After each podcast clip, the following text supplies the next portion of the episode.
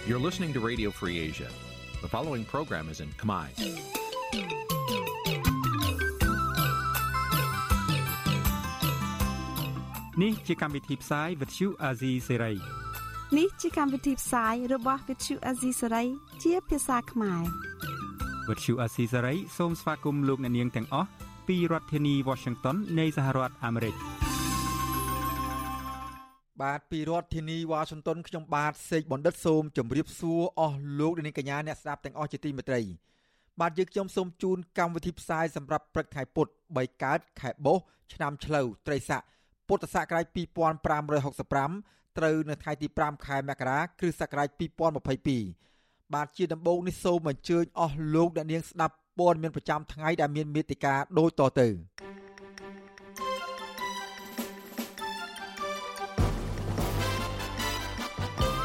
គមស៊ីវិលជិត200ថ្កោលទោសលោកហ៊ុនសែនទៅជួបមេដឹកនាំយោធាភូមា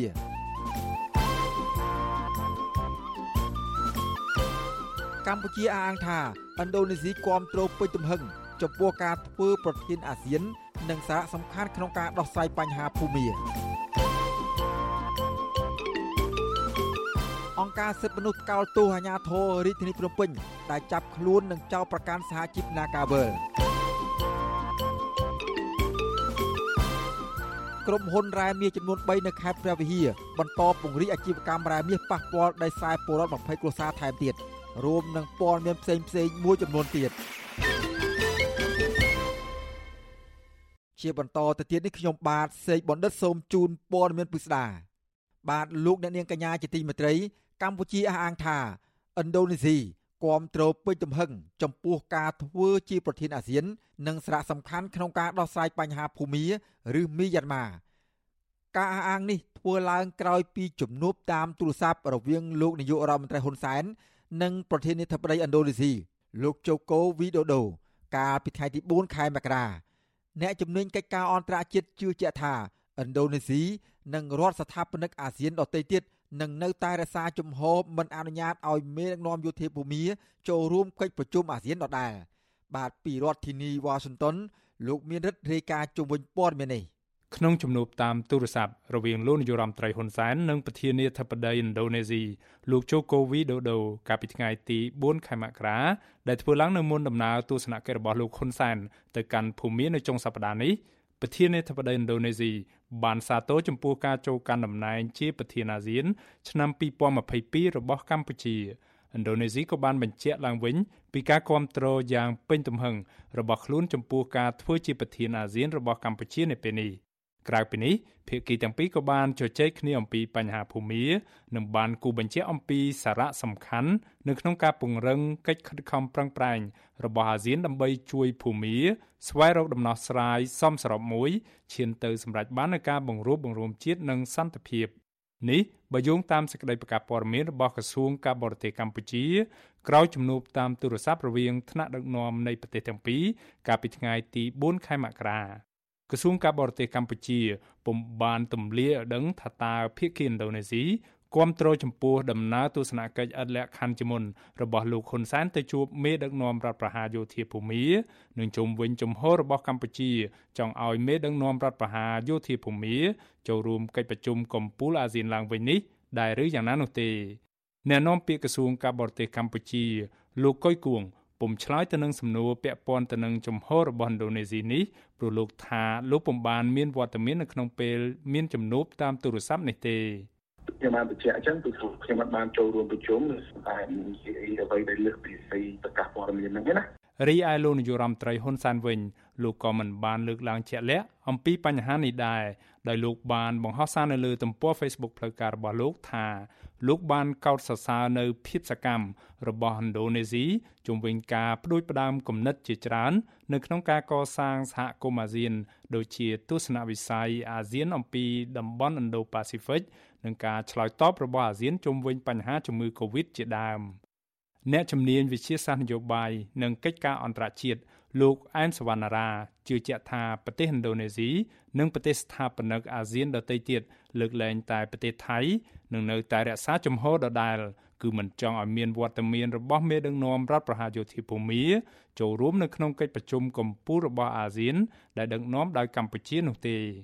ខ្ញុំគិតថាបណ្ដាប្រទេសស្ថាបនិកលើកលែងតែថៃទេដែលមានបញ្ហារឿងជាតបតៃដែលឡើងដោយសាររដ្ឋប្រហារប្រទេសស្ថាបនិកទាំង5នោះគឺខ្ញុំគិតថានៅតែរក្សាចំហដដែលទេដើម្បីទាមទារឲ្យមានការគោរពឬក៏ងាកមករកចំហប្រជាធិបតេយ្យតាមស្មារតីនៃកិច្ចព្រមព្រៀងឬក៏នៃធម្មនុញ្ញអាស៊ានខ្លួនឯងណាបាទ លោកអែមសវណ្ណារាមើលឃើញថាកម្ពុជាក្នុងនាមជាប្រធានអាស៊ានក៏ទំនងជានឹងមិនហ៊ានធ្វើហួសពីអ្វីដែលខ្លួនបានយល់ព្រមរួមគ្នាជាមួយអាស៊ាន នៅក្នុងកិច្ចព្រមព្រៀង5ចំណុចកាលពីពេលកន្លងទៅ ដែលតម្រូវឲ្យភូមាដោះស្រាយបញ្ហាដោយសន្តិវិធី និងអនុញ្ញាតឲ្យប្រិស័ទអាស៊ានអាចជួបជាមួយនឹងមេដឹកនាំភូមាដែលត្រូវបានទម្លាក់ចេញពីតំណែង គឺអ្នកស្រីអ៊ុងសានស៊ូជីជាដើម លោកថាកម្ពុជាហាក់បានដើរជ្រុលបន្តិចនៅក្នុងរឿងភូមានេះព្រោះបានទទួលស្គាល់របបសឹកនិងមេដឹកនាំរដ្ឋប្រហារភូមារួចទៅហើយលោកអែមសវណ្ណារាប្រមានថាបើកម្ពុជានៅតែជំនះឲ្យមេដឹកនាំរដ្ឋប្រហារយោធាភូមាចូលរួមក្នុងកិច្ចប្រជុំកំពូលអាស៊ាននាពេលខាងមុខនេះនោះប្រទេសជាសមាជិកអាស៊ានមួយចំនួនអាចនឹងធ្វើពហិការកិច្ចប្រជុំកំពូលអាស៊ានដែលដឹកនាំដោយកម្ពុជានេះ ហើយលទ្ធផលគឺមិនខុសពីនៅឆ្នាំ2012កន្លងទៅនោះទេ ដែលអាស៊ានមិនអាចចេញសេចក្តីថ្លែងការណ៍រួមបាន។ បើកម្ពុជានៅតែទទួលយកភូមិចូលរួមប្រជុំក្របខ័ណ្ឌអាស៊ានដោយពុំមានការប្រែប្រួលឬក៏ហៅថាពុំមានអនុវត្តតាមគោលការណ៍ដែលបានព្រមព្រៀងគ្នាទេខ្ញុំគិតថាធ្វើឲ្យអាស៊ាន មានមតិឬក៏ពហិការកើតឡើងនៅក្នុងក្របខ័ណ្ឌអាស៊ានហើយគណៈពហិការតែប្រទេសតាមមួយគឺក្របខ័ណ្ឌនៃការបញ្ចេញឬក៏គេហៅថាសេចក្តីថ្លែងការណ៍រួមរបស់អាស៊ានអាចមានបញ្ហាដូចឆ្នាំ2012ម្ដងទៀតហើយបាទលោកនាយរដ្ឋមន្ត្រីហ៊ុនសែន គ្រោងនឹងទៅបំពេញទស្សនកិច្ចនៅភូមានៅថ្ងៃទី8និងថ្ងៃទី9ខែមករាចុងសប្តាហ៍នេះនៅមួយសប្តាហ៍មុនដំណើរទស្សនកិច្ចនេះមានក្របបែកឆ្នៃ2គ្រាប់បានផ្ទុះនៅក្បែរស្ថានទូតកម្ពុជាប្រចាំប្រទេសភូមា តែពុំបានបង្កឲ្យមានរបួសស្នាមអ្វីឡើយលោកហ៊ុនសែននឹងក្លាយជាមេដឹកនាំមុនគេបង្អស់ដែលទៅធ្វើទស្សនកិច្ចផ្លូវការនៅប្រទេសភូមាក្រោយមានអំពើរដ្ឋប្រហារនៅទីនោះខ្ញុំបាទមេរិត Visual C ស្រី រាយការណ៍ពីរដ្ឋធានី Washington បាទលោកអ្នកនាងកញ្ញាជាទីមេត្រីពាក់ព័ន្ធនឹងសហគមន៍អាស៊ាននេះដែរក្រុមអង្គការសង្គមស៊ីវិលជិត200ស្ថាប័នបានចេញសេចក្តីថ្លែងការណ៍រួមគ្នាកាលពីថ្ងៃទី4មករាម្សិលមិញដោយថ្កោលទោសលោកនាយករដ្ឋមន្ត្រីហ៊ុនសែនដែលគាំទ្រមេដឹកនាំរដ្ឋប្រហារយោធាភូមាឬមីយ៉ាន់ម៉ាក្រុមអង្គការសង្គមស៊ីវិលទាំងនេះបានលើកឡើងថា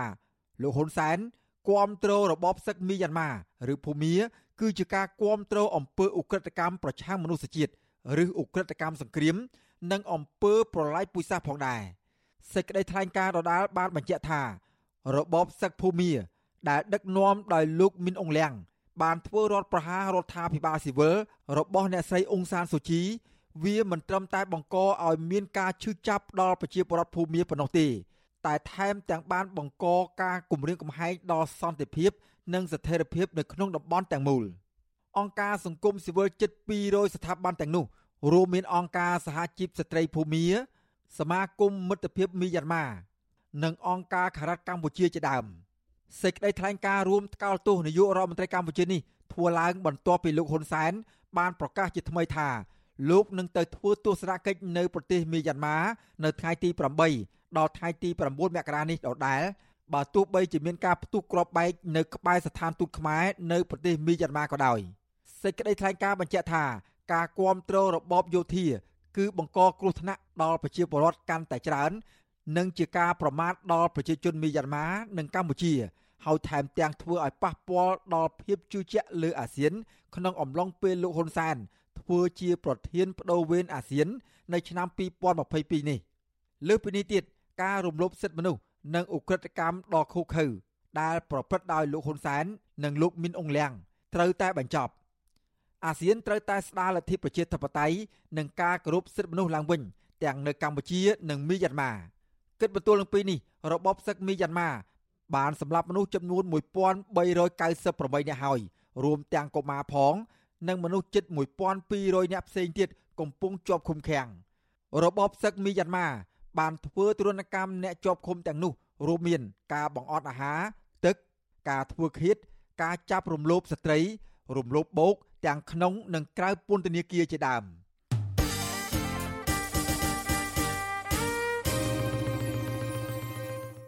បាទលោកដានីកញ្ញាជាទីមេត្រីពាក់ព័ន្ធនឹងសហជីព Naga World វិញ អ្នកធ្វើការលើកស្ទួយសិទ្ធិមនុស្សប្រតិកម្មចំពោះអាញាធររាជធានីភ្នំពេញថាបានប្រើចំណាត់ការហួហេតុចាប់ខ្លួនកញ្ញាឈឹមស៊ីធនិងកោតកោអហិង្សា ដែលប្រើប្រាស់សិទ្ធិស្របច្បាប់ទាមទារឲ្យដោះស្រាយវិវាទការងារពីក្រុមហ៊ុន Nagavel ប្រតិកម្មនេះធ្វើឡើងបន្ទាប់ពីអាជ្ញាធរចាប់ប្រធានសហជីពត្រួតត្រងសិទ្ធិការងារបុគ្គលិកកម្មករខ្មែរកញ្ញាឈឹមស៊ីធនិងតំណាងសហជីពពីររូបទៀតគឺលោកសុកគង្គីនិងលោកសុកណារិត នៅកន្លែងផ្សេងគ្នាកាលពីថ្ងៃទី4ខែមករាម្សិលមិញបាទពីរដ្ឋធានី Washington អ្នកស្រីខែសំណងរាយការណ៍ជុំវិញព័ត៌មាននេះសង្គមស៊ីវិលប្រតិកម្មចំពោះការចាប់ខ្លួននិងចោទប្រកាន់លើថ្នាក់ដឹកនាំសហជីពនិងកោតក្រ Nagavel ថាជាការទម្លាក់កំហុសដោយមិនឈលលើមូលដ្ឋានច្បាប់និងកាន់តែធ្វើឲ្យពលរដ្ឋរងនៅភាពអយុត្តិធម៌ថែមទៀត។ ប្រធានសមាគមការពារសិទ្ធិមនុស្សអាត់ហុកលោកនីសុខាថ្លែងនៅក្នុងនីតិវេទិកាអ្នកស្ដាប់វិទ្យុអាស៊ីសេរីកាលពីយប់ថ្ងៃទី4មករាថាការអនុវត្តសិទ្ធិធ្វើកោតកម្មនិងបាតកម្មដោយសន្តិវិធី គឺជាសិទ្ធិដែលបានធានាដោយច្បាប់ប៉ុន្តែអាជ្ញាធរទេ ដែលអនុវត្តខុសពីខ្លឹមសារច្បាប់ពីព្រោះបែរជាទៅចាប់ខ្លួននិងទម្លាក់កំហុសដោយចោទបទល្មើសផ្សេងៗដើម្បីដាក់បន្ទុកលើអ្នកប្រើប្រាស់សិទ្ធិស្របច្បាប់ទៅវិញ។ ខ្ញុំមិនយល់ដែរថាតើសមត្ថកិច្ចកម្ពុជាយើងបច្ចុប្បន្នហ្នឹងកំពុងតែអនុវត្តគោលនយោបាយសង្គមប្រជាធិបតេយ្យឬក៏កំពុងតែអនុវត្តនៅគោលការណ៍ក្នុងសង្គមមួយដែលផ្ដាច់ការបាទបើសិនជាយើងអនុវត្តនៅគោលការណ៍ប្រជាធិបតេយ្យយើងគួរតែងាកទៅមើលរដ្ឋធម្មនុញ្ញយើងគួរតែងាកទៅមើលស្មារតីគោលការណ៍ប្រជាធិបតេយ្យគោលការណ៍សិទ្ធិមនុស្សគួរតែងាកទៅមើលខ្លឹមសារដែលធានាដោយរដ្ឋធម្មនុញ្ញគេថារដ្ឋធម្មនុញ្ញកម្ពុជាដែលនិយាយអំពីប្រទេសកម្ពុជាជាប្រទេសប្រកាន់លទ្ធិប្រជាធិបតេយ្យសេរីពហុបកប្រជាពលរដ្ឋមានសិទ្ធិសេរីភាពក្នុងការសម្ដែងមតិក្នុងការតវ៉ាក្នុងការទាមទារការសម្ដែងមតិការតវ៉ាទាមទារទាំងឡាយរបស់ប្រជាពលរដ្ឋកង្វល់ទាំងឡាយរបស់ប្រជាពលរដ្ឋត្រូវតែបានយកចិត្តទុកដាក់ដោះស្រាយម៉ត់ចត់ពីសំណាក់អង្គការរដ្ឋប៉ុន្តែរឿងនេះការទាមទារការតវ៉ាអាជ្ញាធររដ្ឋបែរជាមិនខិតខំយកចិត្តទុកដាក់ដោះស្រាយឲ្យបានម៉ត់ចត់បែរជាទៅទម្លាក់កំហុសលើគ្នានេះធ្វើឲ្យកម្មករដែលគាត់តវ៉ានោះគាត់មានការឈឺចាប់ហ្នឹងបាទពីព្រោះថាអ្វីដែលអយុត្តិធម៌ក្នុងការតវ៉ារឿងបញ្ហាវិវាទការងារមិនបានសម្រេចហើយបែរជាអាជ្ញាធរលោកមិនបាន ជួយលើកទឹកចិត្តឬក៏ជួយជ្រោមជ្រែងក្នុងការដោះស្រាយបញ្ហាហ្នឹងឬក៏ជួយសម្របសម្រួលធ្វើម៉េចឲ្យមានដំណោះស្រាយមួយឲ្យមានយុត្តិធម៌បែរជាអាជ្ញាធរទៅទម្លាក់កំហុសលើពួកគាត់ហើយទៅចាប់ខ្លួនពួកគាត់ទៅវិញជារឿងអយុត្តិធម៌ណាបាទ ការលើកឡើងនេះនៅបន្ទាប់ពីអាជ្ញាធររាជធានីភ្នំពេញបានចាប់ខ្លួនថ្នាក់ដឹកនាំសហជីពត្រួតត្រងសិទ្ធិការងារបុគ្គលិកកម្មករខ្មែរកញ្ញាឈឹមស៊ីធនិងតំណាងសហជីពពីររូបទៀតគឺលោកសុកកង្គៀនិងលោកសុកណារិទ្ធកាលពីថ្ងៃទី4ខែមករាដែលអាជ្ញាធរប្រកាសថាអ្នកទាំង3គឺជាមេខ្លោងកោតកម្មខុសច្បាប់នាំឲ្យមានការញុះញង់បង្កឲ្យមានភាពវឹកវរធ្ងន់ធ្ងរដល់សន្តិសុខសង្គម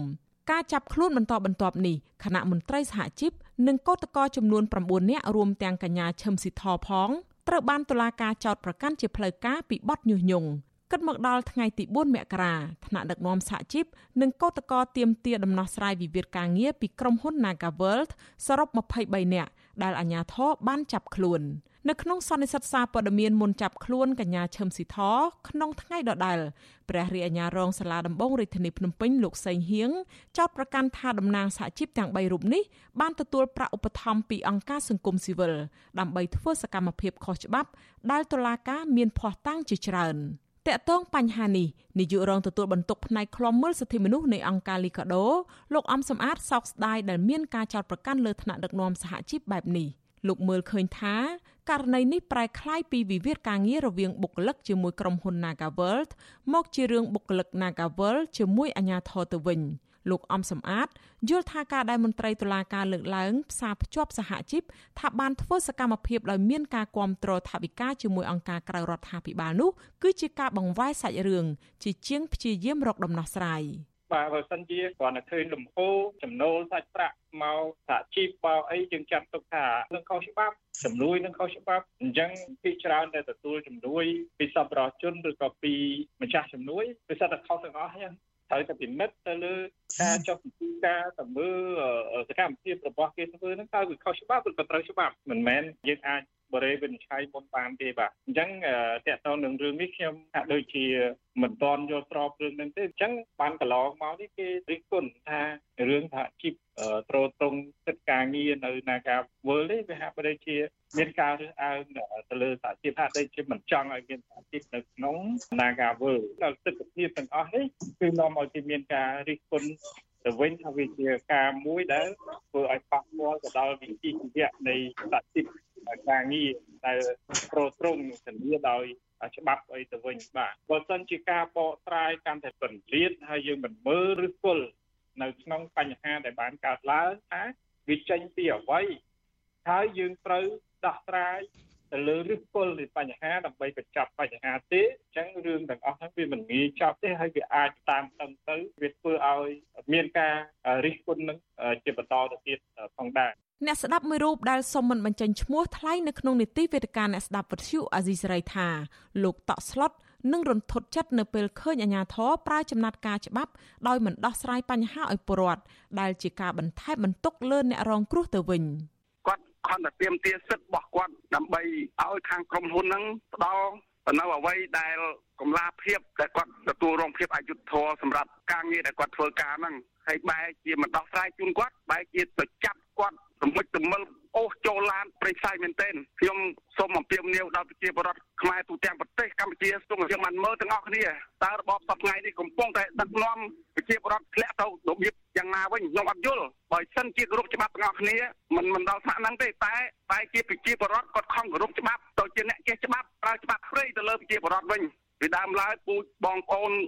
ជីដូនជីតាខ្ញុំគ្រប់គ្រងបាក់ប្រជាជនហ្នឹងតែឥឡូវនេះខ្ញុំបានកាន់តែឃើញច្បាស់អញ្ចឹងខ្ញុំអាចទទួលយកបានទេខ្ញុំឈឺចាប់អត់ខ្ញុំក្តុកក្តួលក្នុងចិត្តណាខ្ញុំខ្ញុំមិនចេញទេឃើញវាវាច្រើនលើកច្រើនសារពេកទឹកភ្នែកប្រាប់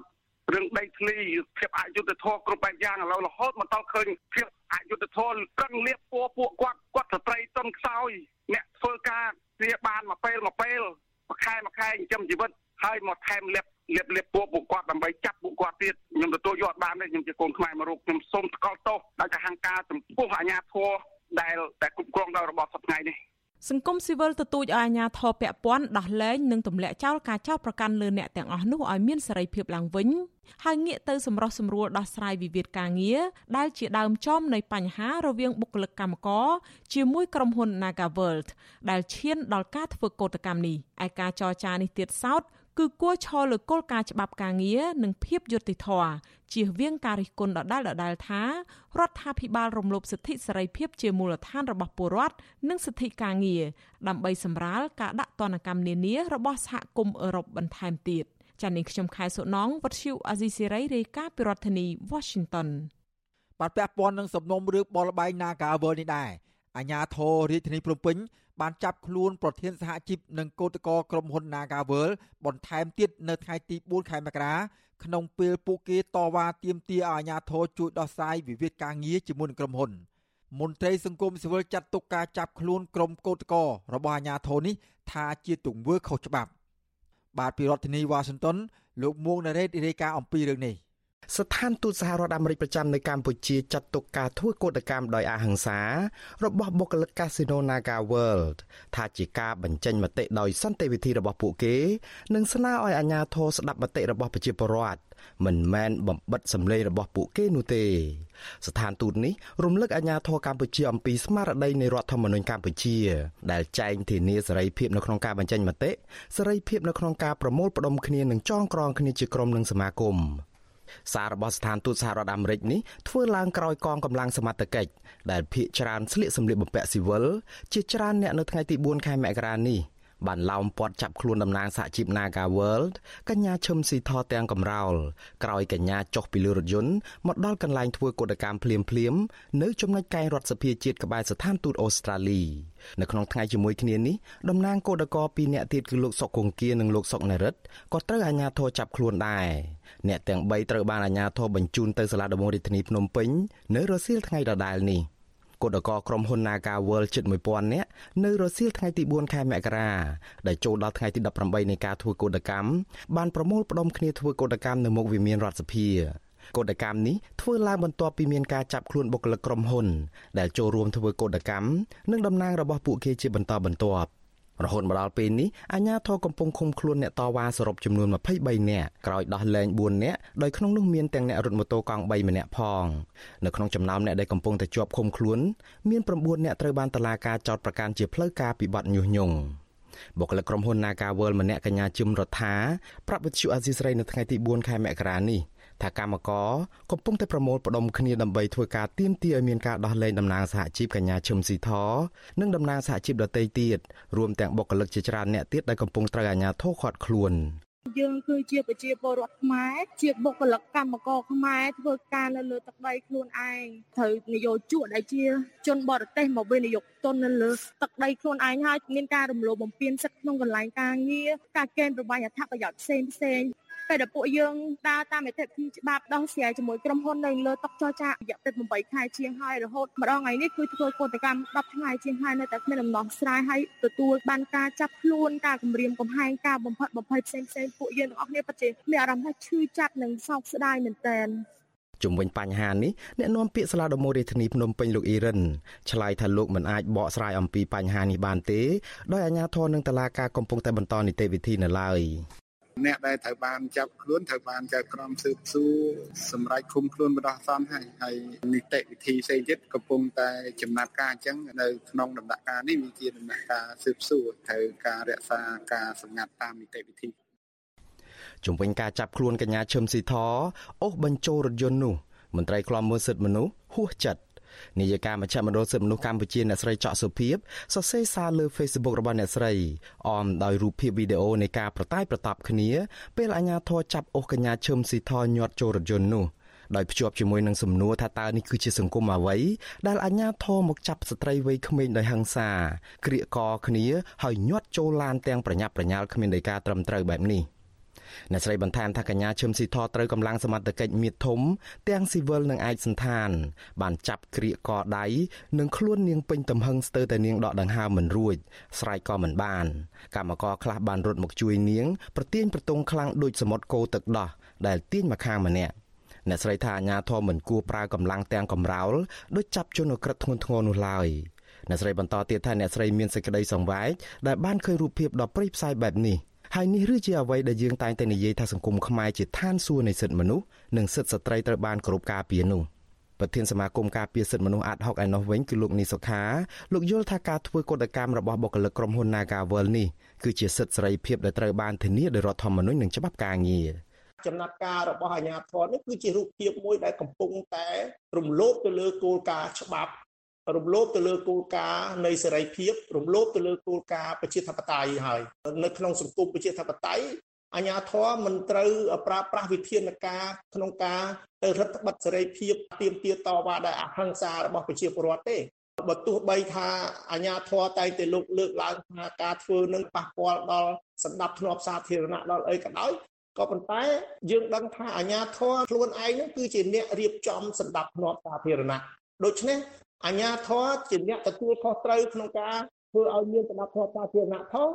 ធានាឲ្យមានការប្រើប្រាស់សិទ្ធិសេរីភាពស្របច្បាប់របស់ប្រជាពលរដ្ឋផងចំណែកឯគណៈបកនយោបាយឯណោះវិញគណៈបកប្រជាធិបតេយ្យមូលដ្ឋាននៅថ្ងៃនេះបានចេញសេចក្តីថ្លែងការណ៍ថ្កោលទោសចំពោះទង្វើអាញាធរដែលរារាំងនិងប្រើកម្លាំងបង្ក្រាបការប្រមូលផ្ដុំតាក់ទងទៅនឹងវិវាទការងារនេះ។ គណៈបកដែលមានលោកបណ្ឌិតកែមលីជាស្ថាបនិកពីដំបូងនេះជំរុញឲ្យរដ្ឋាភិបាលកម្ពុជាបញ្ឈប់ការយកប្រព័ន្ធតុលាការក្នុងការធ្វើទុកបុកម្នេញលើក្រុមអ្នកតវ៉ាដោយសន្តិវិធី ហើយត្រូវដោះលែងគឧតកោទាំងអស់មកវិញ។ បើទោះបីជាអាជ្ញាធរបន្តចាប់ខ្លួនកូដកនិងតំណាងរបស់ពួកគេជាបន្តបន្ទាប់យ៉ាងណាក្តីក៏ក្រុមកូដកនៅតែបន្តបដិញ្ញាថានឹងតស៊ូមតិដោយអហិង្សាតទៅទៀតដោយមិនរាថយនោះឡើយរហូតដល់មានការដោះលែងគ្នាពួកគាត់មកវិញនិងមានដំណោះស្រាយសមស្របតាមការទៀមទាទាំង9ចំណុចរបស់ពួកគាត់កញ្ញាឈឹមស៊ីធដឹងច្បាស់ថាកញ្ញានឹងត្រូវគេចាប់ខ្លួននៅថ្ងៃនេះ កញ្ញាប្រាប់វិទ្យុអាស៊ីសេរីនៅយប់មុនថ្ងៃចាប់ខ្លួនថាកញ្ញានឹងនៅតែបង្ហាញមុខចូលរួមតវ៉ាដើម្បីសិទ្ធិកម្មករទោះជាប្រឈមការចាប់ខ្លួននេះក្តីកញ្ញាប្រមានថាការចាប់ខ្លួនអ្នកតវ៉ានិងតំណាងពួកគាត់គឺមិនមែនជាដំណោះស្រាយទេក៏ប៉ុន្តែវារឹតតែបញ្ឆេះកំហឹងកោតក្រនៅថ្ងៃចាប់ខ្លួនកញ្ញាឈឹមស៊ីធនោះគឧតកោនាំគ្នាសរសេរសារតាម Facebook ថាចាប់កញ្ញាឈឹមស៊ីធម្នាក់នៅមានកញ្ញាឈឹមស៊ីធ2000នាក់ទៀត នៅក្នុងថ្ងៃទី4ខែមករាដែរក្រុមអង្គការសង្គមស៊ីវិលសហភាពសហជីពសហព័ន្ធសហជីពនិងសមាគម119ស្ថាប័នបានចេញសេចក្តីថ្លែងការណ៍រួមគ្នា បង្ហាញការខកចិត្តជាខ្លាំងចំពោះវិធានការរបស់សមាជិកដែលដឹកនាំដោយស្នងការនគរបាលរាជធានីភ្នំពេញដែលបានខាត់ខ្លួនថ្នាក់ដឹកនាំសហជីពប្រតិភូចរចា និងសកម្មជនសហជីពត្រួតត្រងសិទ្ធិការងារបុគ្គលិកកម្មករខ្មែរនៃក្រុមហ៊ុន Naga World ទាំង23នាក់ ពួកគេអំពាវនាវឲ្យដោះលែងអ្នកទាំងនោះជាបន្ទាន់និងដោយឥតលក្ខខណ្ឌខ្ញុំបាទមុងណារ៉េត With you Azizi ប្រធានាទី Washington បាទលោកនាងកញ្ញាជាទីមេត្រីជុំវិញរឿងនេះដែរមេដឹកនាំសហជីពកញ្ញាឈឹមស៊ីធបានផ្ដល់បទសម្ភាសន៍មួយ នៅយប់ថ្ងៃទី3ខែមករាកន្លងទៅពលគឺនៅមួយថ្ងៃមុនពេលចាប់ខ្លួនដោយកញ្ញាតាំងចិត្តថានៅតែបន្តបង្ហាញមុខនៅកន្លែងធ្វើកោតកម្មដើម្បីគាំទ្រការទៀមទីរបស់កោតក្រ ទោះបីដឹងមុនថាអាញាធរនឹងចាប់ខ្លួនកញ្ញាក៏ដោយ។បាទសូមលោករនាងរងចាំស្ដាប់បទសម្ភាសន៍រវាងលោកបួងណារ៉េតជាមួយកញ្ញាឈឹមស៊ីធជុំវិញរឿងនេះនៅក្នុងការផ្សាយរបស់យើងនាពេលបន្តិចទៀតនេះបាទសូមអរគុណ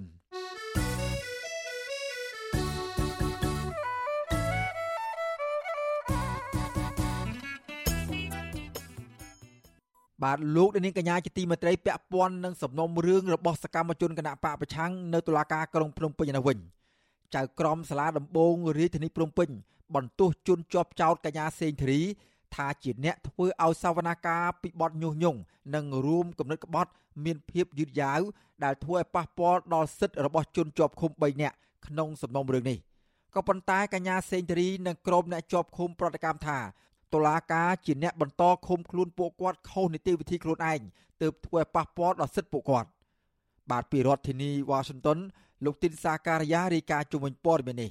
ការបន្តសវនកម្មនៅថ្ងៃទី4មករាដើម្បីសួរដណ្ដលកញ្ញាសេងធារីជាលើកទី3ក្នុងបទញុះញង់និងរួមគំនិតក្បត់ពាក់ព័ន្ធនឹងផែនការប្រធានស្ដីទីគណៈបកប្រឆាំងលោកសំរងស៊ីវិលចូលស្រុកវិញកាលពីឆ្នាំ2019មិនទាន់បានអស់សេចក្តីនោះទេព្រោះកញ្ញាសេងធារី បានស្នើសុំឲ្យតុលាការបន្តការពន្យាពេលសវនាការជាបន្តទៀតដោយហេតុថាកញ្ញានៅមិនទាន់ទទួលបានសំណុំរឿងឯកសារពាក់ព័ន្ធនឹងការចោទប្រកាន់លើកញ្ញានៅឡើយទេប្រធានក្រុមប្រឹក្សាជំនុំជម្រះលោករស់ពិសិដ្ឋបានយល់ព្រមនឹងសំណើដោយលើកពេលសវនាការនេះទៅបន្តនៅថ្ងៃទី15ខែកុម្ភៈប៉ុន្តែមុននឹងសម្រេចថាត្រូវពន្យាពេលសវនាការបន្តទៀតលោករស់ពិសិដ្ឋបាននិយាយទៅកាន់កញ្ញាសេនធរីថាតើកញ្ញាមានបានគិតដល់អ្នកជាប់ឃុំដែរឬទេព្រោះពួកគាត់ម្នាក់ម្នាក់ ជាប់ឃុំក្នុងពន្ធនាគារជិត2ឆ្នាំមកហើយភ្លាមភ្លាមនោះជនជាប់ឃុំម្នាក់ក្នុងចំណោម3នាក់គឺសមាជិកក្រុមប្រឹក្សាជាប់ឆ្នោតរាជធានីភ្នំពេញនៃគណៈបកសង្គ្រោះជាតិលោកកកកំភៀបានលើកដៃនិងសុំសម្ដែងមតិថាលោកអរគុណចំពោះចៅក្រមនិងតុលាការដែលខំកិត្តគូដល់អ្នកជាប់ឃុំប៉ុន្តែបើសិនជាតុលាការអាណិតពួកលោកមែនលោកសុំឲ្យតុលាការដោះលែងពួកលោកឲ្យនៅក្រៅឃុំមន្ត្រីបកប្រឆាំងរូបនេះប្រកាសថាតុលាការបានឃុំខ្លួនលោកបណ្ដោះអាសន្នហួសពេលកំណត់ច្បាប់ និងធ្វើខុសនីតិវិធីច្បាប់រួចបាត់ទៅហើយសវនកម្មនៅថ្ងៃទី4មករានេះមានការចូលរួមក្លំមើលពីតំណាងអង្គការសហប្រជាជាតិប្រចាំនៅកម្ពុជាតំណាងស្ថានទូតនានានិងក្រុមអង្គការសិទ្ធិមនុស្សមួយចំនួនទៀតក្រោយចេញពីបន្ទប់សវនាការវិញក្នុងសម្លៀកបំពាក់ជាអ្នកជាប់ពន្ធនាគារឈុតពណ៌ស្លាទុំកញ្ញាសេនធរីបាននិយាយលាយឡំនឹងសំណើចប្រាប់ក្រុមអ្នកគាំទ្រនិងអ្នកសារព័ត៌មានថាកញ្ញាពេញចិត្តនឹងបន្តសវនាការលខោននយោបាយនេះបន្តទៀត ហើយក្នុងសវនាការថ្ងៃនេះកញ្ញានិងលោកមេធាវីជួងជងីបានតស៊ូមតិតាមផ្លូវច្បាប់យ៉ាងល្អសម្រាប់ទុកឲ្យអង្គជំនុំជម្រះពិចារណា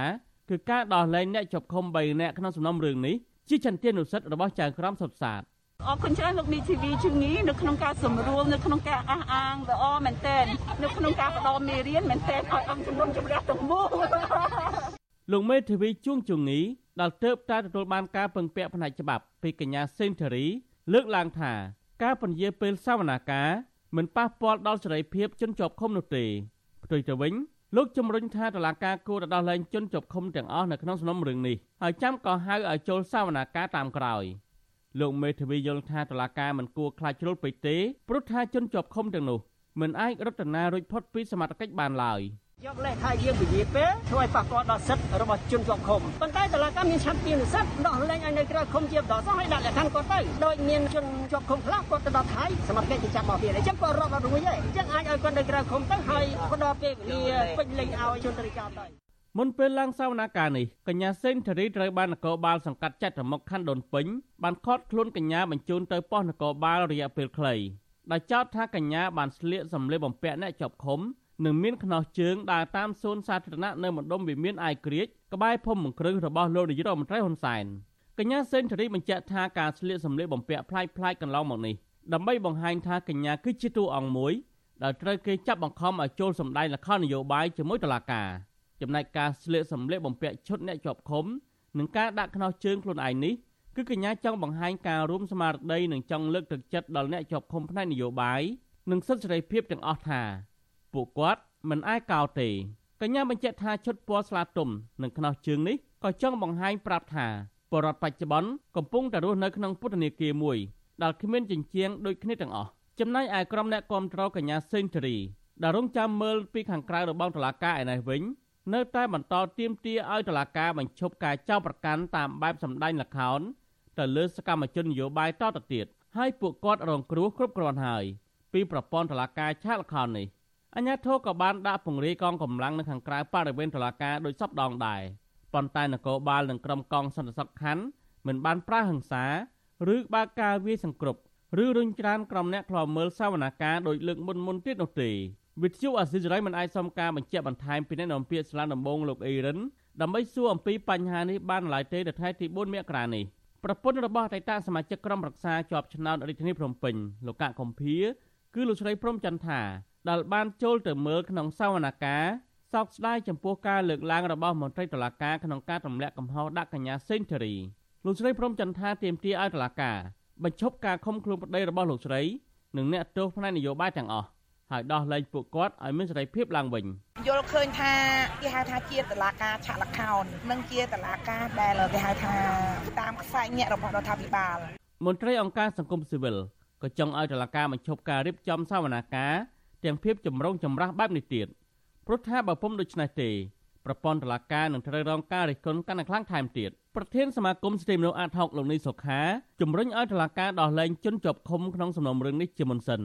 ដើម្បីកុំឲ្យប៉ះពាល់ដល់សិទ្ធិរបស់ពួកគេលោកបន្តថាសំណុំរឿងកញ្ញាសេងធារីមានពាក់ព័ន្ធនឹងអ្នកនយោបាយដូច្នេះលោកលើកទឹកចិត្តឲ្យអ្នកនយោបាយរកយន្តការដោះស្រាយវិវាទនេះតាមផ្លូវនយោបាយវិញ។ អ្វីដែលល្អដើម្បីសម្របសម្រួលរឿងនេះឲ្យមានស្ថានភាពមួយថាទាំងឲ្យដំណើរការសវនាការនឹងវាមានភាពអប្រសើរវាអាចដេញដោលគ្នាវាអាចមានភាពគ្រប់ជ្រុងជ្រោយផងហើយវាអាចគោរពទៅនឹងសិទ្ធិរបស់ជនជាប់ឃុំផងយើងគួរថាសម្រេចឲ្យមានការដោះលែងគាត់នៅក្រៅឃុំជាបណ្ដោះអាសន្នទៅដើម្បីលាឲ្យមានដំណើរការសវនាការល្អផងហើយនឹងគោរពទៅដល់សិទ្ធិរបស់ជនជាប់ឃុំផង សំណុំរឿងរបស់កញ្ញាសេងធារីមានឫសគល់ពីបទញុះញង់ឲ្យមានភាពវឹកវរធ្ងន់ធ្ងរដល់សន្តិសុខសង្គមនិងរួមគំនិតក្បត់ពាក់ព័ន្ធនឹងព្រឹត្តិការណ៍គម្រោងមេត្តាភូមិនិវត្តរបស់លោកសំរងស៊ីកាលពីឆ្នាំ2019តឡាការបានចាប់ប្រកាន់កញ្ញាសេងធារីសកម្មជននិងក្រុមមេដឹកនាំបកប្រឆាំងសរុបចំនួន42នាក់ក្នុងសំណុំរឿងនេះដោយសារសំណុំរឿងនេះមានជនសង្ស័យច្រើនពេកតឡាការបានបំបែកសំណុំរឿងនេះជា7សវនាការដែលក្រុងនឹងបញ្ឈប់សវនាការសួរដេញដោលនៅខែកុម្ភៈខាងមុខជាមួយគ្នានេះ ក្រុមមេដឹកនាំបកប្រឆាំងនៅក្រៅប្រទេសក៏អះអាងថាកំពុងតែរកវិធីដើម្បីចូលរួមតតាំងក្តីក្នុងតុលាការនេះដែរប៉ុន្តែតុលាការនិងរដ្ឋាភិបាលមិនព្រមបញ្ជាឲ្យបើកផ្លូវជូនពួកគាត់បានវិលចូលទៅបំភ្លឺនៅក្នុងតុលាការនេះនៅឡើយទេខ្ញុំទីនសាការីយ៉ាអសិលសេរីប្រធានីវ៉ាស៊ីនតោនបាទលោកនាងកញ្ញាជាទីមេត្រីពាក់ព័ន្ធនឹងបញ្ហាបរិស្ថានព្រៃឈើវិញម្ដង ប្រជាសហគមន៍ព្រៃឡង់អំពាវនាវអាជ្ញាធរខេត្តព្រះវិហារ បង្ក្រាបការដ្ឋានអាឈើនិងសិប្បកម្មកែច្នៃឈើខុសច្បាប់ជាច្រើនកន្លែង នៅជាយព្រៃឡង់ក្នុងស្រុករវៀងខេត្តព្រះវិហារដែលកំពុងប្រមូលទិញឈើ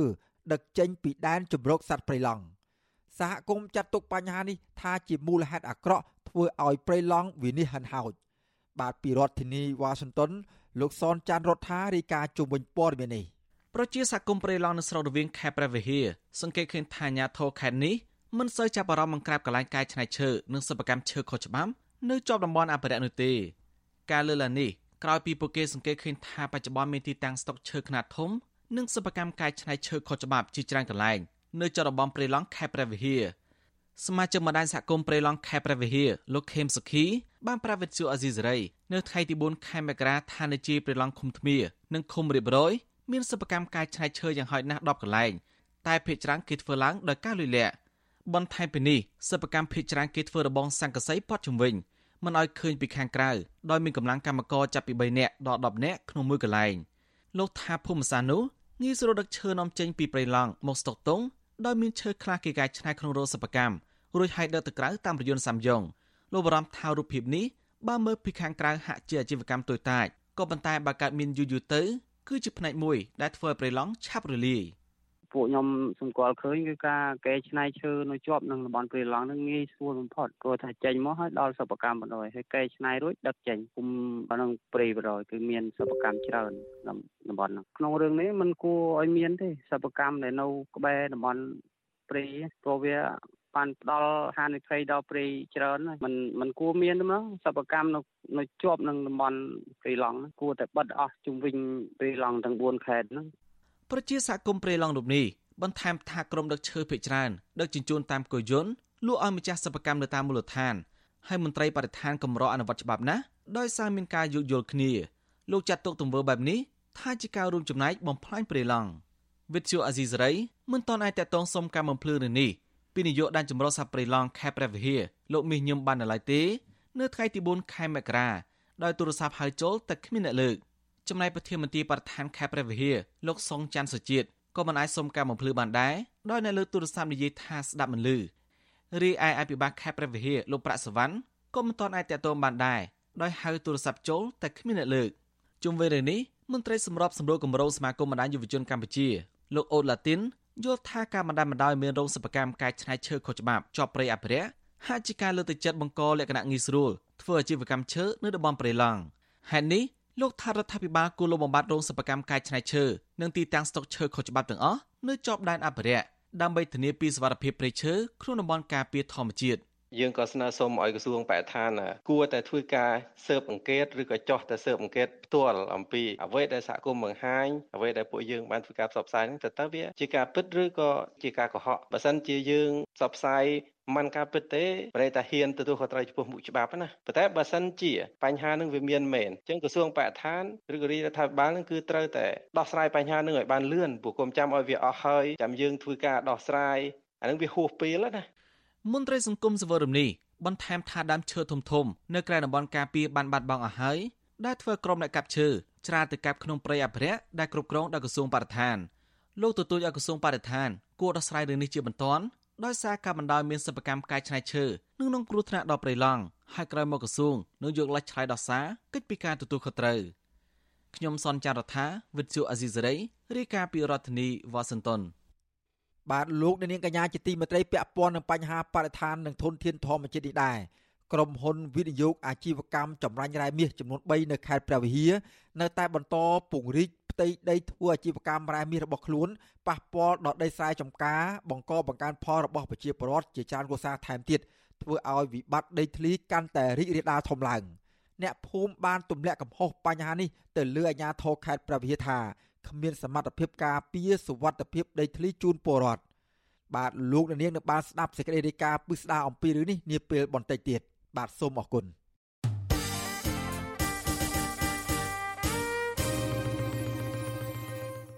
បាទលោកអ្នកនាងកញ្ញាជាទីមេត្រីពាក់ព័ន្ធនឹងស្ថានភាព COVID-19 វិញម្ដង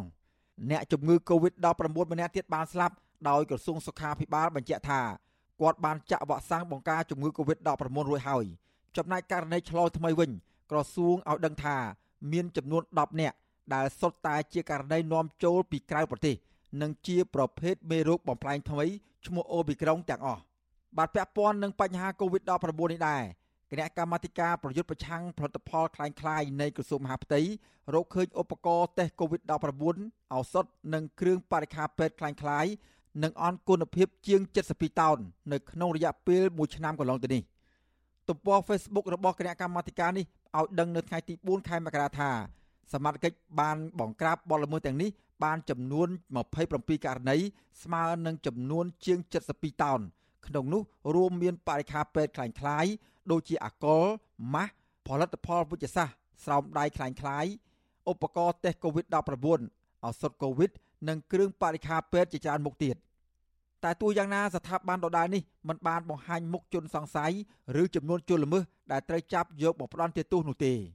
គណៈកម្មាធិការប្រយុទ្ធប្រឆាំងផលិតផលคล้ายៗអំពាវនាវដល់ពាណិជ្ជករអាជីវករនិងពលរដ្ឋត្រូវទទួលយកលក់ដូរនិងចែកចាយផលិតផលណាដែលមានគុណភាព និងមានចុះបញ្ជីការត្រឹមត្រូវពីក្រសួងសុខាភិបាលនិងស្ថាប័នពាក់ព័ន្ធ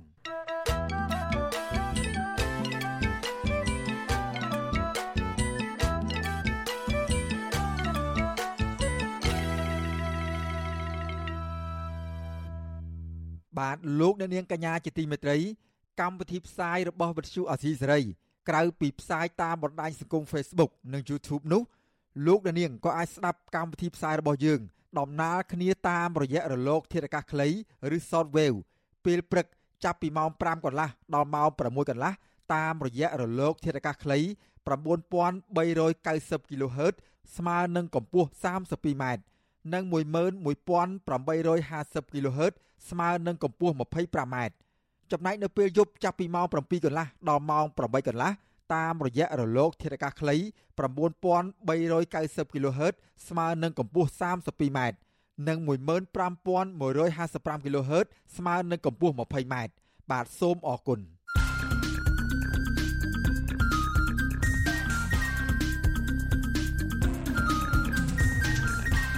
បទសំភារ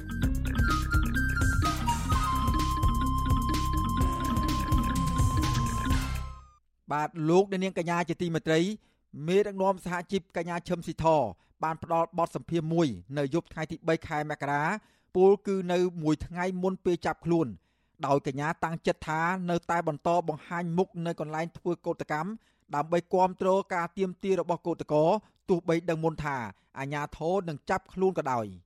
បាទសូមលោករនាងស្ដាប់បទសម្ភាសន៍រវាងលោកមួងណារ៉េតជាមួយនឹងកញ្ញាឈឹមស៊ីធជុំវិញរឿងនេះដូចតទៅ ខាអាញាធរគេធ្វើសន្និសិទព័ត៌មានមួយថ្ងៃហ្នឹងបង្ហាញឈ្មោះ9នាក់9នាក់ហ្នឹងតឡាការចោតប្រកាន់ពីបទញុះញង់ទាំងអស់ក្នុងនោះមានកញ្ញាឈឹមស៊ីធលោកសុកនរិទ្ធនិងលោកសុកខង្គៀ9នាក់ហ្នឹងគឺមាន6នាក់ឯដែលអាញាធរចាប់ខ្លួនបាន នៅតែកញ្ញានឹង2នាក់ទៀតទេតើកញ្ញាគិតយ៉ាងម៉េចដែររឿងនេះចាអឺដូចបងឃើញហើយពីសេចក្តីប្រកាសព័ត៌មានរបស់អัยការអមសាលារាជធានីភ្នំពេញគាត់ថាមិនប្រើពាក្យថាដីកាតាមចាប់ខ្លួនមិនតែក្នុងន័យតែឃើញចាប់ដូចតែគ្នានឹង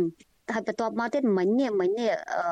ម៉ោងចុងក្រោយនេះយើងឃើញលិខិតរបស់ក្រសួងមួយទៀតហើយគឺថាគាត់ចេញបដាក់គ្នាតែម្ដងគឺថាប្រកាសរតំណាងហើយនឹងកម្មករនយោជិកនឹងឲ្យទៅដោះស្រាយនៅក្រសួង អំពីរូបមន្តនិងរបៀបទូទាត់ប្រាក់សំណងបញ្ចប់កិច្ចសន្យាអញ្ចឹងយើងឃើញថាចាំមើលមើលស្អែកហ្នឹងនៅពេលដែលខ្ញុំទៅបង្ហាញខ្លួននៅកន្លែងធ្វើកោតកម្មហើយអឺ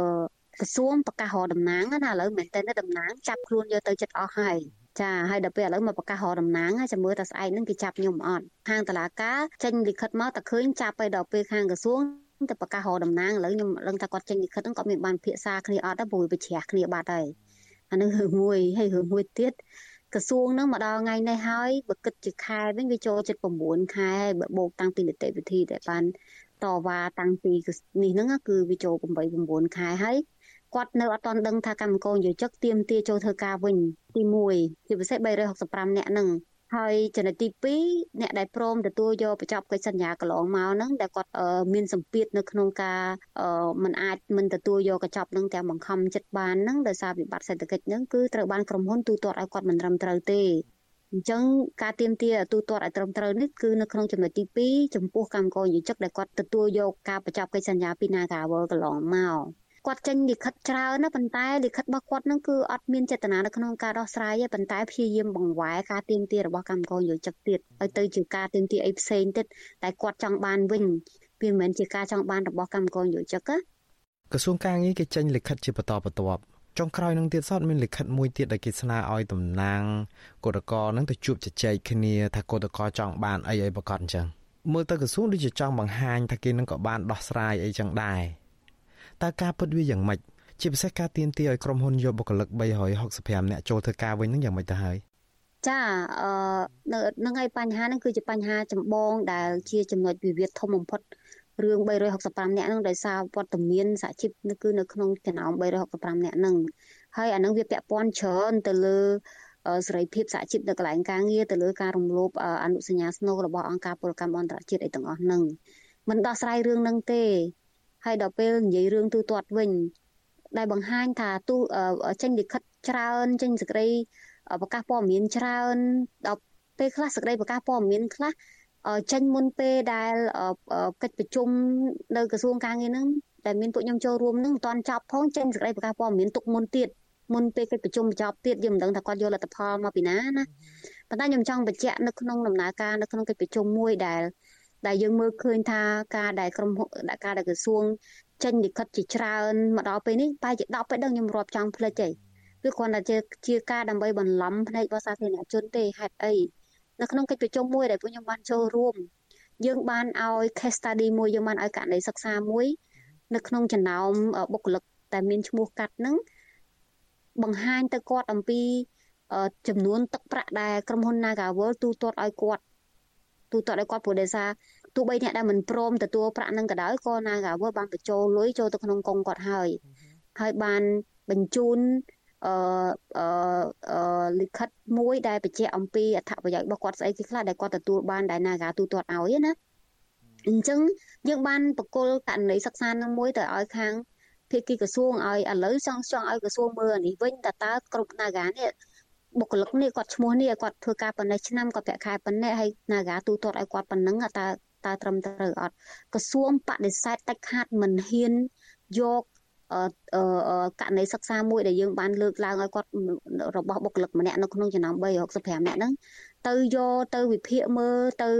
ទៅវែកញែកមើលទៅតាមផ្លូវច្បាប់ថាតើការទូការទូទាត់ហ្នឹងត្រឹមត្រូវឬក៏អត់ទេគឺគាត់ប្រកែកញ៉ាញតែម្ដងគឺគាត់មិនគាត់មិនហ៊ាននិយាយតែម្ដងថា Naga Naga ហ្នឹងទូទាត់ត្រឹមត្រូវឬក៏អត់ហើយគាត់បែរទៅជាតម្លាក់បន្ទុកទៅលើកម្មករយុជិកវិញថាឥឡូវយើងមើលនៅក្នុងសេចក្តីប្រកាសរបស់គាត់មួយណាក៏ដោយគាត់ទាមទារឲ្យកម្មករយុជិកហ្នឹងទៅយកព័ត៌មានប្រាក់ខែយកព័ត៌មានអឺស្អីស្អីផ្សេងទៀតពីធនាគារពីអីហ្នឹងអឺដើម្បីយកទៅឲ្យក្រសួងផ្ទៀងផ្ទាត់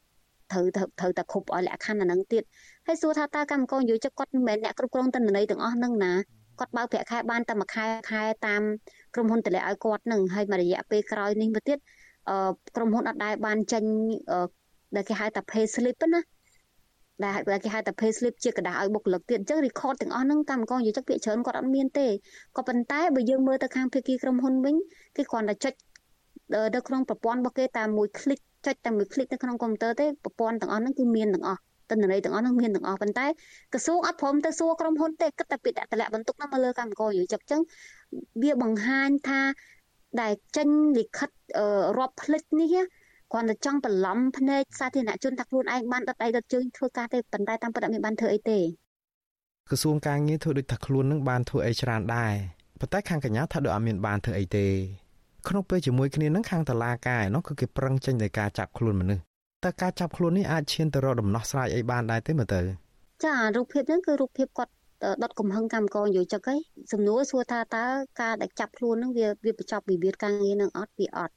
ពីព្រោះអីកម្មករយោជិកគាត់គាត់ទៀមទា9ចំណុចទៅក្នុងលិខិតជូនទៅនឹងរបស់គាត់តែគាត់ជូនទៅនឹងតាំងពីខែវិច្ឆិកាតាំងពីថ្ងៃទី22ខែវិច្ឆិកាឆ្នាំ2021សូម្បីតែមួយចំណុចក៏មិនដោះស្រាយឲ្យពួកគាត់ដែរបន្ថែមពីលើនឹងឥឡូវ ប្រើប្រព័ន្ធតឡាការចាប់ថ្នាក់ដឹកនាំចោតប្រកាន់ពួកគាត់ពីបទកោតកម្មដឹកនាំកោតកម្មខុសច្បាប់ញុះញង់កម្មករនយោជិកឯណាវិញហើយក្នុងគណៈដែលគាត់នឹងគឺមានតួនាទីនៅក្នុងការតំណាងកម្មករនយោជិកឲ្យទៅចរចាជាមួយនឹងនយោជកហើយអានឹងមានចែងនៅក្នុងច្បាប់ទៅទៀត ស្រាប់ដល់ពេលអ្នកដែលមានតួនាទីជាតំណាងនៅក្នុងការចរចាដោះស្រាយបញ្ហារបស់កម្មករនយោជិកត្រូវបានចោទឲ្យតុលាការថាញុះញង់កម្មករនយោជិកវិញសំណួរសួរថាតើតើវាដោះស្រាយបញ្ហាអត់វាអត់វាមានតែធ្វើឲ្យកម្មករនយោជិកគាត់គាត់ក្តៅក្រហាយខ្លាំងថែមទៀតហើយវាធ្វើឲ្យរដ្ឋាភិបាលរបស់យើងហ្នឹងគឺនឹងត្រូវមានគេឈ្មោះអាសោកស្អុយនៅលើឆាកអន្តរជាតិតែម្ដងជាពិសេសពាក់ព័ន្ធជាមួយនឹងការអនុវត្តសេរីភាពសហជីពហើយនឹងការអនុវត្តអនុសញ្ញាស្នូលរបស់អង្គការពលកម្មអន្តរជាតិ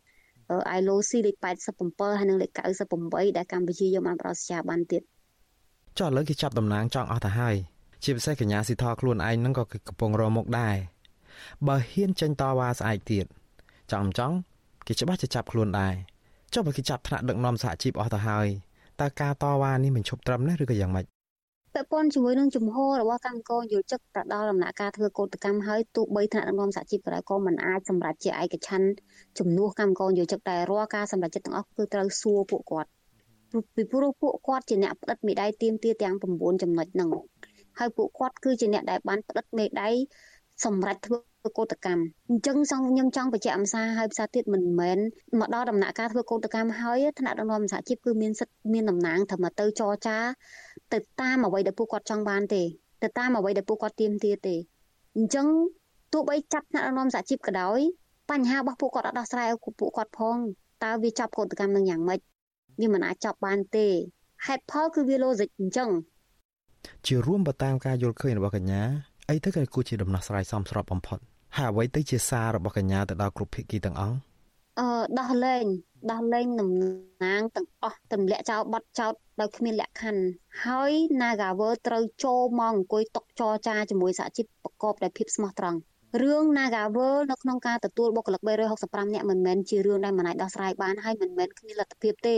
មានលុយសាងសង់អគារ Naga ស្រីតម្លៃជាង3000លានដុល្លារហេតុអីបានជាទទួលបុគ្គលិក365នាក់នឹងអត់បាន អញ្ចឹងបើសិនជាមិនអាចទទួលយក65នាក់បានក៏ហើយនៅក្នុងនោះមានតំណាងសហជីពកម្មជនសហជីពនិងប្រតិភូទាំងអស់នៅក្នុងនោះអញ្ចឹងវាមានថាបានន័យថាក្រុមហ៊ុន Nagavel គឺចំណាយគ្រប់សពបែបយ៉ាងទាំងអស់ដើម្បីរំលាយសហជីពហើយសុំសុំសុំកុំបកាយទៀតចាកុំសុំបកាយទៀតអញ្ចឹងដើម្បីដោះស្រាយបញ្ហាហ្នឹងគឺ Nagawer ត្រូវឈប់ព្រឹសអើងសហជីពទើបអាចដោះស្រាយបានហើយតែកម្មករនិយោជិកទាំងអស់គាត់ចេញមកតវ៉ានេះដោយសារច្បាប់ បានចែងអំពីសិទ្ធិនៅក្នុងការមានតំណែងនៅកន្លែងធ្វើការហើយណាក្រុមហ៊ុនណាក៏ដោយមិនថា Nagawal ទេมันអាចចេះតែប្រជុំតំណែងរបស់គេតាមតែអំពើចិត្តរបស់ខ្លួនឯងទេចាបើសិនជាមិនមានការប្រែប្រួលទេកម្មករយុជគាត់បានសម្រេចគ្នាហើយគាត់ទៅបន្តតវ៉ារហូតដល់តែមានដំណោះស្រាយខ្ញុំសូមអរគុណកញ្ញាឈឹមសិដ្ឋាបាទចាបងអរគុណច្រើន បាទលោកនាងកញ្ញាទើបបានស្ដាប់បទសម្ភាសរវាងលោកមួងណារ៉េតជាមួយនឹងតំណាងសហជីពត្រួតត្រងសិទ្ធិការងារបុគ្គលិកកម្មករខ្មែរនៃក្រុមហ៊ុន Nagavel កញ្ញាឈឹមស៊ីធអំពីសារព្រមានរបស់កញ្ញាថាការចាប់ខ្លួនតំណាងគឧតកោមិនមែនជាដំណោះស្រាយនោះទេ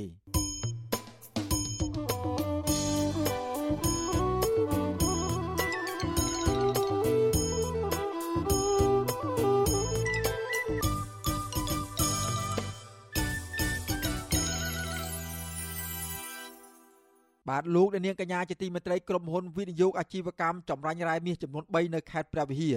នៅតែពង្រីកផ្ទៃដី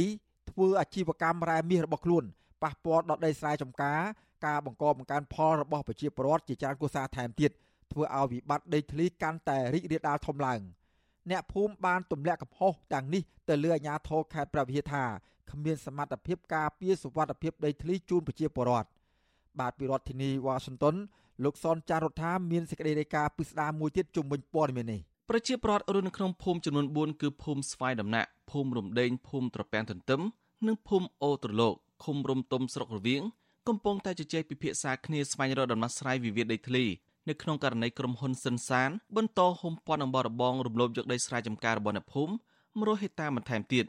ដើម្បីពង្រីកអាជីវកម្មរ៉ែមាសនៅតំបន់ភ្នំលុងនៅរយៈពេលជាមួយសប្តាហ៍ចុងក្រោយនេះ អ្នកភូមិអះអាងថាមានក្រុមហ៊ុនពីរទៀតពាក់ព័ន្ធនឹងការរំលោភយកដីពលរដ្ឋគឺក្រុមហ៊ុន Dalcom Cambodia និងក្រុមហ៊ុន Kim ជាធួន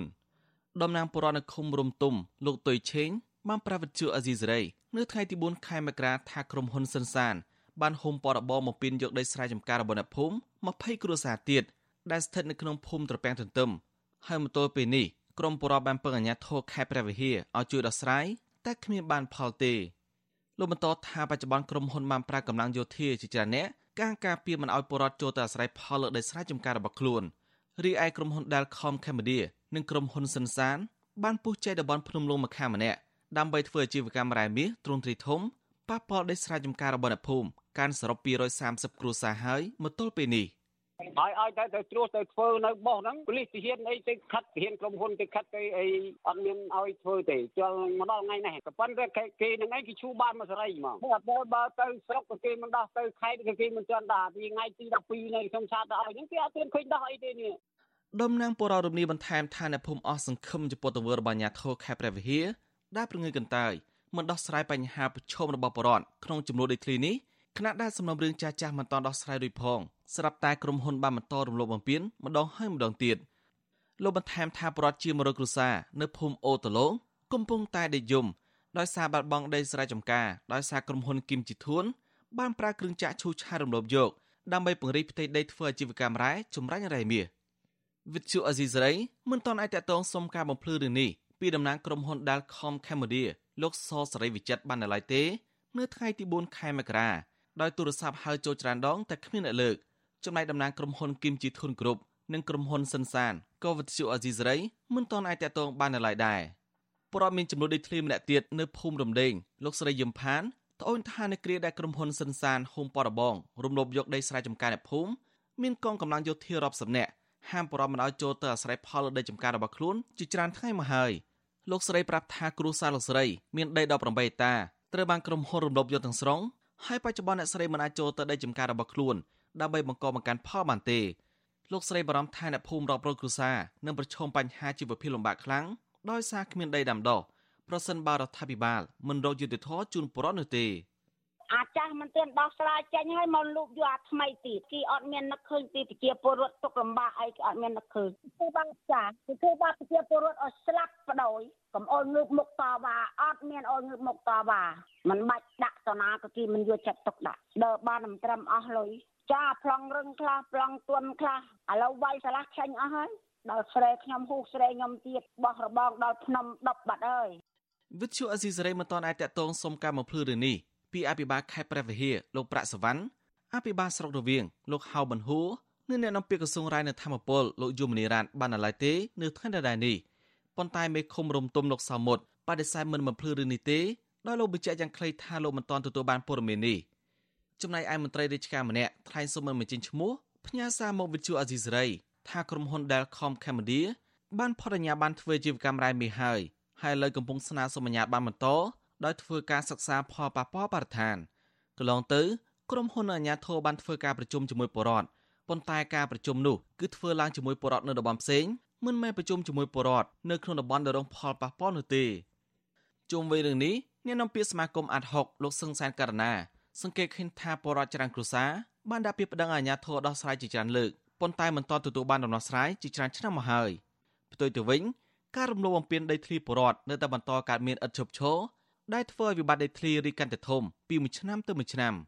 ប្រការនេះលោកវិដំឡៃថាស្ថាប័នពាក់ព័ន្ធនៅខេត្តព្រះវិហារខ្វះការទទួលខុសត្រូវក្នុងការដោះស្រាយបញ្ហាដីធ្លីជូនប្រជាពលរដ្ឋដែលធ្វើប្រជាពលរដ្ឋខាត់បងពេលវេលានិងធនធានស្វែងរកយុត្តិធម៌តាមស្ថាប័នរដ្ឋ ត្រូវពន្លឿនក្នុងការដោះស្រាយជៀសវាងអូសបន្លាយមួយរឿងហើយចូលចូលមួយរឿងទៀតមួយរឿងហើយចូលមួយរឿងជាតិវាកាន់តែបង្ហាញឲ្យសាធារណជនក៏ដូចជាខាងសហគមន៍អន្តរជាតិអីគេពិនិត្យមើលឃើញថាស្ថាប័នទាំងអស់ហ្នឹងគឺมันមានសមត្ថភាពឬក៏លទ្ធភាពក្នុងការដោះស្រាយនិងអនុវត្តទូនីតិរបស់ខ្លួននឹងឲ្យបានល្អត្រឹមត្រូវនោះទេសេចក្តីរាយការណ៍ពីប្រជាសកម្មបានដឹងថាតំបន់ភ្នំលង មានផ្ទៃដីជាង1000ហិកតាដែលសម្បូរទៅដោយរ៉ែមាសនៅក្រោមដីត្រូវបានក្រុមហ៊ុនឯកជនធំធំចំនួន3ពុះចែកគ្នាធ្វើជីវកម្មដោយលាក់លៀមរីឯក្រុមហ៊ុនបានជួក្រុមទាហានគម្រាមអ្នកភូមិនិងរដ្ឋបិទអ្នកខាងក្រៅមិនឲ្យចេញចូលតំបន់នោះក្រៅពីនេះមានក្រុមហ៊ុនចិននិងវៀតណាមជាច្រើនទៀតបានជ្រកក្រោមស្លាកក្រុមហ៊ុនទៅនេះនិងជួលអ្នកមានអំណាចការអាជីវកម្មឲ្យខ្លួនដែរទន្ទឹមនឹងនេះតំបន់នោះមានទាហាននៅឈរចាំផ្លូវដើម្បីហាមឃាត់បរដ្ឋឬក៏អ្នកសារព័ត៌មានមិនឲ្យចូលទៅទីនោះ មន្ត្រីសម្របសម្រួលសមាគមអាត60ខេត្តព្រះវិហារលោកឡាវច័ន្ទសង្ស័យថាអាញាធរខេត្តព្រះវិហារមានជាប់ពាក់ព័ន្ធការខុបខិតគ្នាជាប្រព័ន្ធរំលោភយកដីបរនបានជាមិនអើពើដោះស្រាយបញ្ហានេះឃើញភាពជាក់ស្ដែងក្រុមហ៊ុនមួយចំនួនក្នុងខេត្តព្រះវិហារនេះ បានយកកងកម្លាំងយកទៅធ្វើជាផលប្រយោជន៍ផ្ទាល់ខ្លួនចំណែកកងកម្លាំងក៏អញ្ចឹងដែរ គឺដើម្បីផលប្រយោជន៍ផ្ទាល់ខ្លួនឯងគឺបានបំរើទៅនឹងក្រុមហ៊ុនមួយចំនួនដូច្នេះបើយើងនិយាយពីគោលការណ៍ច្បាប់វាខុសហើយបងពីព្រោះកងកម្លាំងកងកម្លាំងបោះរដ្ឋស៊ីប្រាក់ខែពីប្រជាពលរដ្ឋមន្ត្រីសង្គមសវរមនេះបន្ថែមថាប្រពន្ធមានចំនួនដីធ្លីជាមួយក្រុមហ៊ុនរ៉ៃមាសភ័យខ្លាចពីសវត្ថិភាពនៅគ្រាដែលមន្ត្រីយោធាមួយចំនួនដែលយាមការពារឲ្យក្រុមហ៊ុនតែងតែគម្រាមពួកគាត់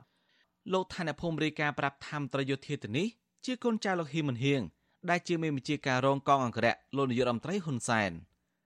ខ្ញុំសនចាររថាវិទ្យុអាស៊ីសេរីរាយការណ៍ពីរដ្ឋធានីវ៉ាស៊ីនតោន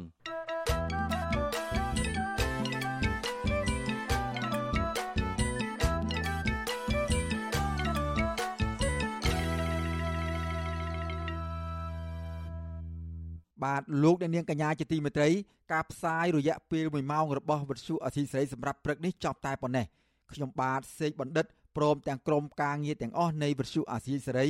សូមជូនពរអស់លោកនាងឲ្យជួបប្រកបតែនឹងសេចក្តីសុខចម្រើនរុងរឿងកំបីគ្លៀងគ្លាឡើយខ្ញុំបាទសូមអរគុណនិងសូមជម្រាបលា